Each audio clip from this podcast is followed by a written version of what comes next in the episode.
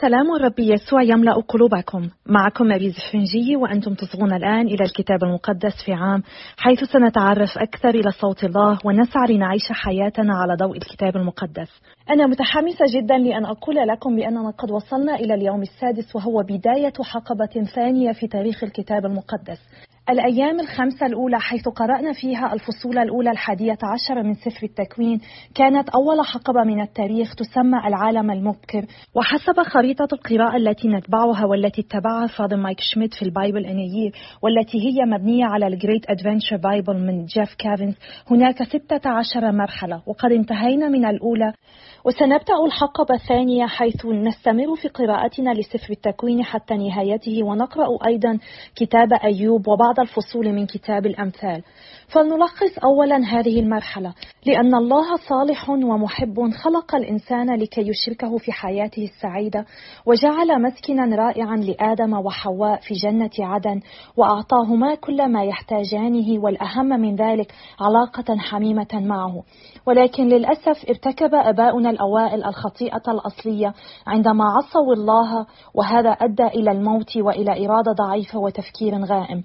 والخبر السار هنا أن الله منذ لحظة السقوط أعلن عن خطة لخلاص البشرية وقد تحققت في الرب يسوع المسيح. وفي قراءتنا عن نوح كما يقول أباء الكنيسة هناك رموز كثيرة للرب يسوع. فنوح هو كان رجلا بارا مرضيا عند الله يرمز إلى المسيح الذي كان أيضا بارا وكاملا. والسفينة التي بناها نوح هي رمز للكنيسة. من خلال هذه السفينة خلصت عائلة نوح ومن خلال الكنيسة تخلص البشرية. إن مياه الطوفان قد جلبت دمارا للشر وخلقا جديدا وهي رمز للمعمودية التي تنجينا كما قال القديس بطرس. نوح قد استعمل الخشب لبناء السفينة ومن خلالها خلص الآخرين من أعمال الشر ومن الموت. والرب يسوع استعمل الخشبة الصليب ليخلصنا من الخطيئة ومن الموت الأبدي. الحمامة والريح يرمزان إلى وجود الروح القدس. الحمامة جلبت غصن الزيتون كعلامة إلى نوح علامة بداية جديدة وعلامة سلام وهو في البحر. والروح القدس على شكل حمامة حل على الرب يسوع في النهر ليعلن بدء رسالته التبشيرية علنا.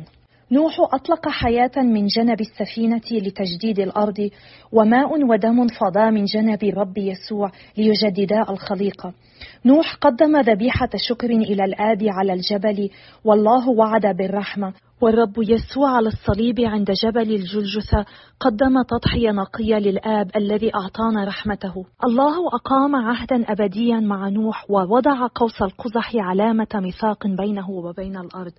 والرب يسوع الذي هو سلامنا ختم هذا العهد الأبدي وصالح الإنسان مع الله. وقوس قزح قد ظهر حول عرش الرب يسوع كما نقرأ في سفر الرؤيا الفصل الرابع الآية الثالثة. كثيرة هي الرموز في العهد القديم إلى الرب يسوع وقد نغفل عنها بكل سهولة. لذلك سأحاول أن أشير إليها بقدر المستطاع لكي نفهم أكثر العهد القديم ونقدر العهد الجديد. فلنبدأ المرحلة الثانية ولنستمر في هذه القراءات لكي نكتشف قصة الخلاص وأين نحن منها. وها قد وصلنا إلى اليوم السادس. تكوين الفصل الثاني عشر. سيرة إبراهيم. دعوة إبراهيم. وقال الرب لأبرام انطلق من أرضك وعشيرتك وبيت أبيك إلى الأرض التي أريك وأنا أجعلك أمة كبيرة وأباركك وأعظم اسمك وتكون بركة. وأبارك مباركيك وألعن لاعنيك ويتبارك بك جميع عشائر الأرض. فانطلق أبرام كما قال له الرب ومضى معه لوط. وكان أبرام ابن خمس وسبعين سنة حين خرج من حران فأخذ أبرام سارايا امرأته ولوطا ابن أخيه وجميع أموالهما التي اقتنياها والنفوس التي امتلكاها في حران وخرجوا ليمضوا إلى أرض كنعان وأتوا أرض كنعان. فاجتاز أبرام في الأرض إلى موضع شكيم إلى بلوطة مورة والكنعانيون حينئذ في الأرض. فتراءى الرب لأبرام وقال لنسلك أعطي هذه الأرض. فبنى هناك مذبحا للرب الذي تجلى له. ثم انتقل من هناك إلى الجبل الشرقي بيت أيل وضرب خيمته وغربيه بيت أيل وشرقيه عاي. وبنى هناك مذبحا للرب ودعا باسم الرب. ثم رحل أبرام رحيلا متواليا نحو النقب. إبراهيم في أرض مصر. وكانت مجاعة في الأرض فنزل أبرام إلى مصر ليقيم هناك لأن المجاعة قد اشتدت في الأرض. فلما قارب أن يدخل مصر قال لسرايا امرأته أنا أعلم أنك امرأة جميلة المنظر فيكون إذا رآك المصريون أنهم يقولون هذه امرأته فيقتلونني ويبقونك على قيد الحياة. فقولي إنك أختي حتى يحسن إلي بسببك وتحيا نفسي بفضلك.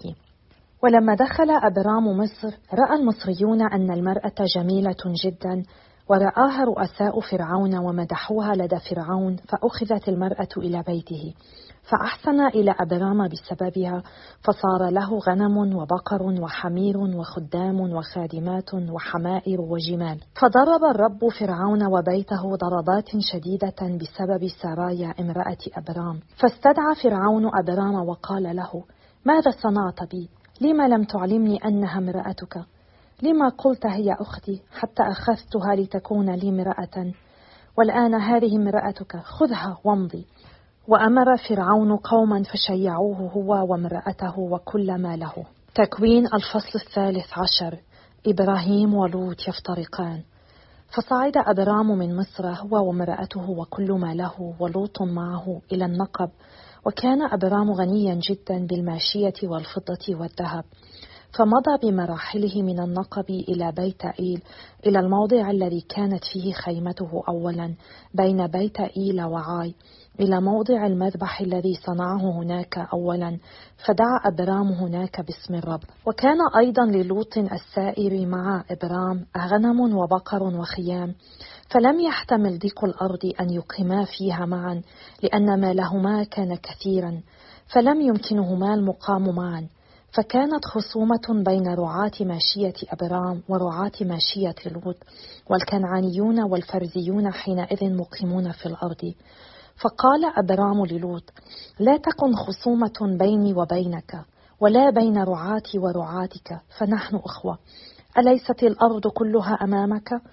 تنحى عني إما إلى اليسار فأذهب إلى اليمين وإما إلى اليمين فأذهب إلى اليسار. فرفع لوط عينيه ورأى كل سهل الأردن فإذا كله سقي وكانت قبل أن دمر الرب سدوم وعمورة كجنة الرب مثل أرض مصر وأنت آت نحو صوعر. فاختار لوط لنفسه كل سهل الأردن ورحل إلى المشرق وفارق كل واحد أخاه. فأقام أبرام في أرض كنعان وأقام لوط في مدن السهل وخيم حتى سدوم. وأهل سدوم أشرار خاطئون إلى الرب جدا. وقال الرب لأبرام بعدما فارقه لوط ارفع عينيك وانظر من المكان الذي أنت فيه شمالا وجنوبا وشرقا وغربا. إن كل الأرض التي تراها لك أعطيها ولنسلك للأبد وأجعل نسلك كتراب الأرض. حتى إن أمكن أحدا أن يحصي تراب الأرض فنسلك أيضا يحصى. قم فامشي في الأرض طولها وعرضها فإني لك أعطيها. انتقل أبرام بخيامه وجاء فأقام في بلوط ممرة التي بحبرون وبنى هناك مذبحا للرب. سفر أيوب الفصل الأول. الشيطان يمتحن أيوب. كان رجل في أرض عوس اسمه أيوب. وكان هذا الرجل كاملا مستقيما يتقي الله ويجانب الشر.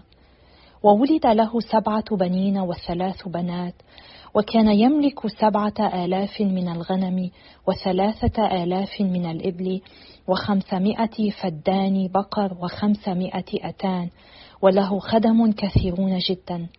وكان ذلك الرجل أعظم أبناء المشرق جميعا.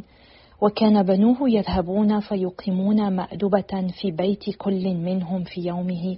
ويبعثون فيدعون أخواتهم الثلاثة ليأكلن ويشربن معهم.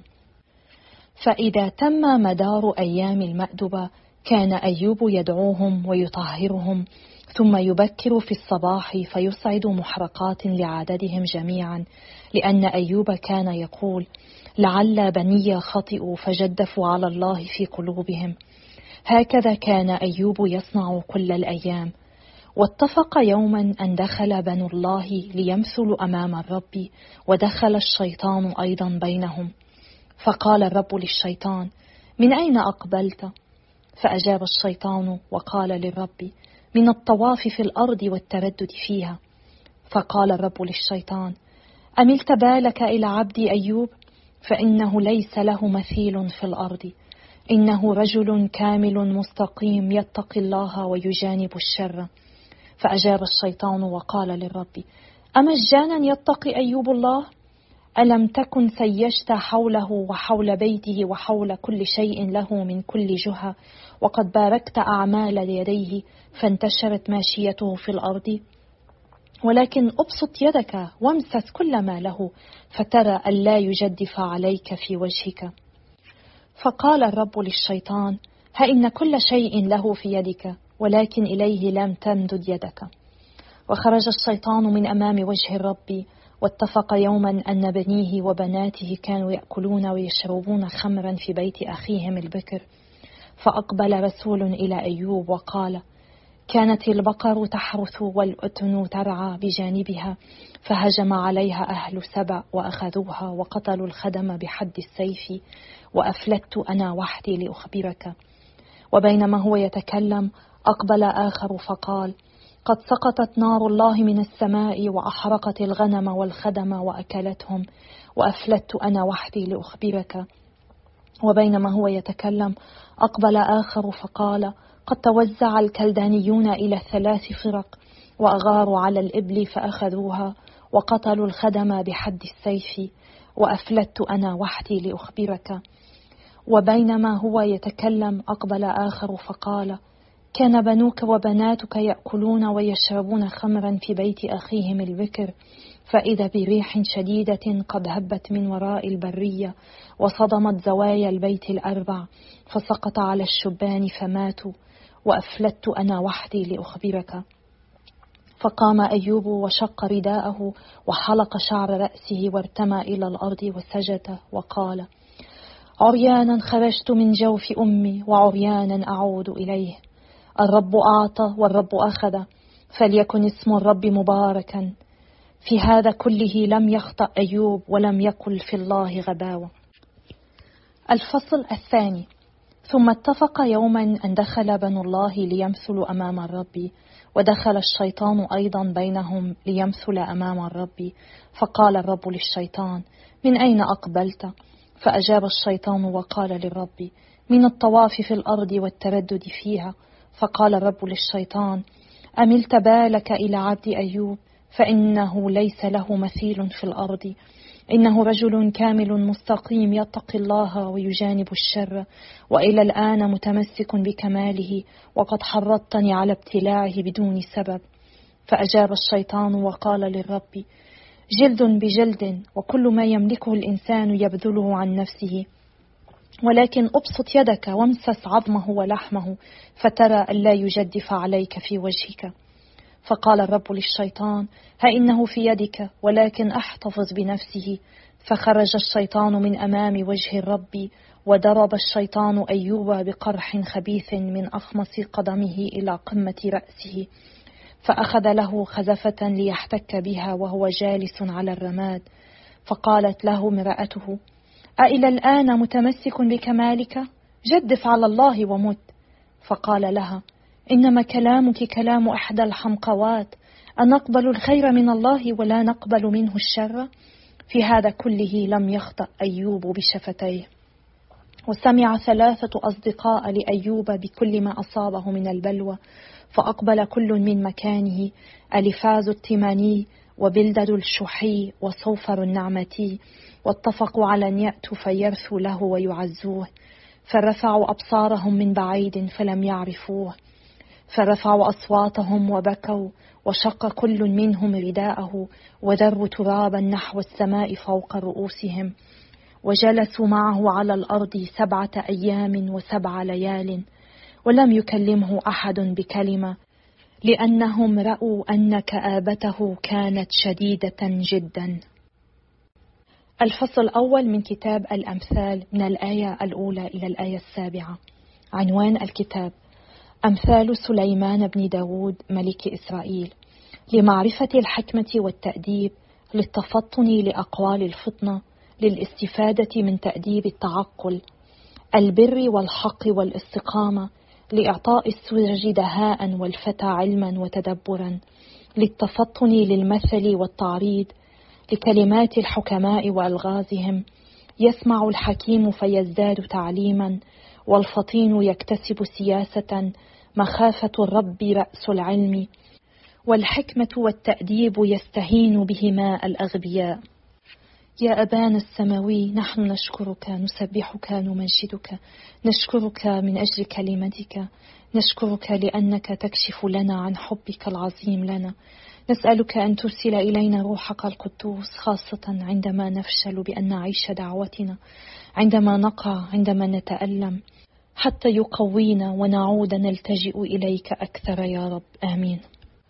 قراءتنا اليوم ومعظم أسفار الكتاب المقدس تظهر لنا مرارا وتكرارا كيف عمالقة الإيمان إذا أردت أن نسميهم يختبرون الانكسار ويسقطون في الخطيئة مثل ما رأينا اليوم في أبرام. أبرام هذا الرجل الذي وعد الله أن يباركه ويجعله عظيما وسيسميه لاحقا إبراهيم ولكن على شرط واحد وهو أن يفعل أبرام مشيئة الله. وهذا كان يعني أن يترك موطنه وأصدقائه وأن يرحل إلى بلاد جديدة حيث وعد الله أن يجعل من عائلة أبرام أمة عظيمة.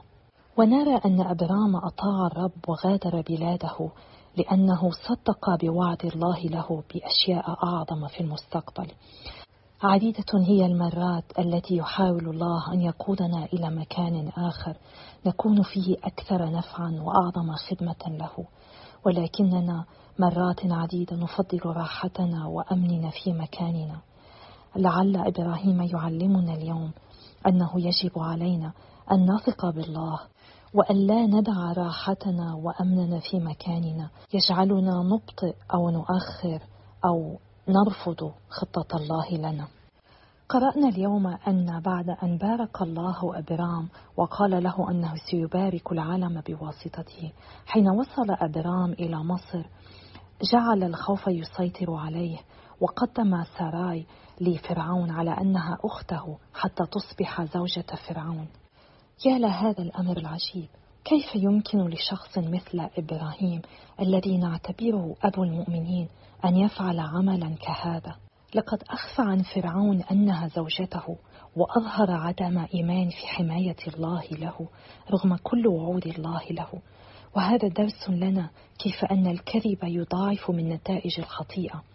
فحين كذب أبرام لم تصبح مشاكله أسهل بل أصبحت أكثر تعقيدا. لذلك الحقيقة ودائما الحقيقة هي السبيل الوحيد للحرية الحقيقية. علينا دائما أن نكون صادقين وأن نشهد ونقول الحقيقة رغم كل الظروف. بعد أن عاد أبرام من مصر واجه نزاعا خطيرا مع ابن أخيه وأخذ هناك المبادرة في تسوية النزاع ورغم أن أبرام كان هو الأكبر وله الحق في أن يختار أولا أعطى الخيار الأول للوط ليقرر بأي اتجاه يذهب. وهنا نرى أن أبرام لم يطالب بالأرض الأفضل. وهذه كانت علامة على أمانة أبرام الذي عرف أن الرب سيستمر في الاعتناء به.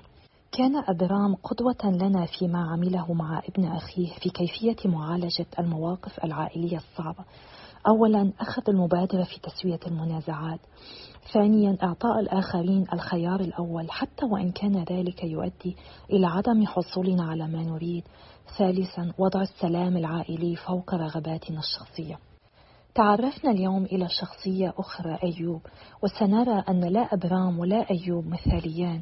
ومع ذلك الله يدعوهما وكلاهما يظهر إيمانه له.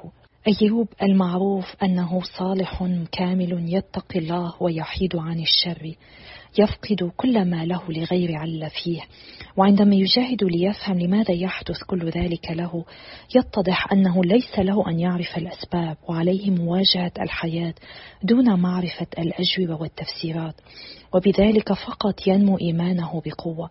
وعلينا نحن أيضا نختبر الحياة كما اختبرها أيوب يوما بعد يوم بدون أجوبة كاملة لتساؤلات الحياة. فهل سنثق مثل أيوب في الله مهما كانت الظروف؟ أم سنستسلم للتجربة ونقول إن الله لا يبالي؟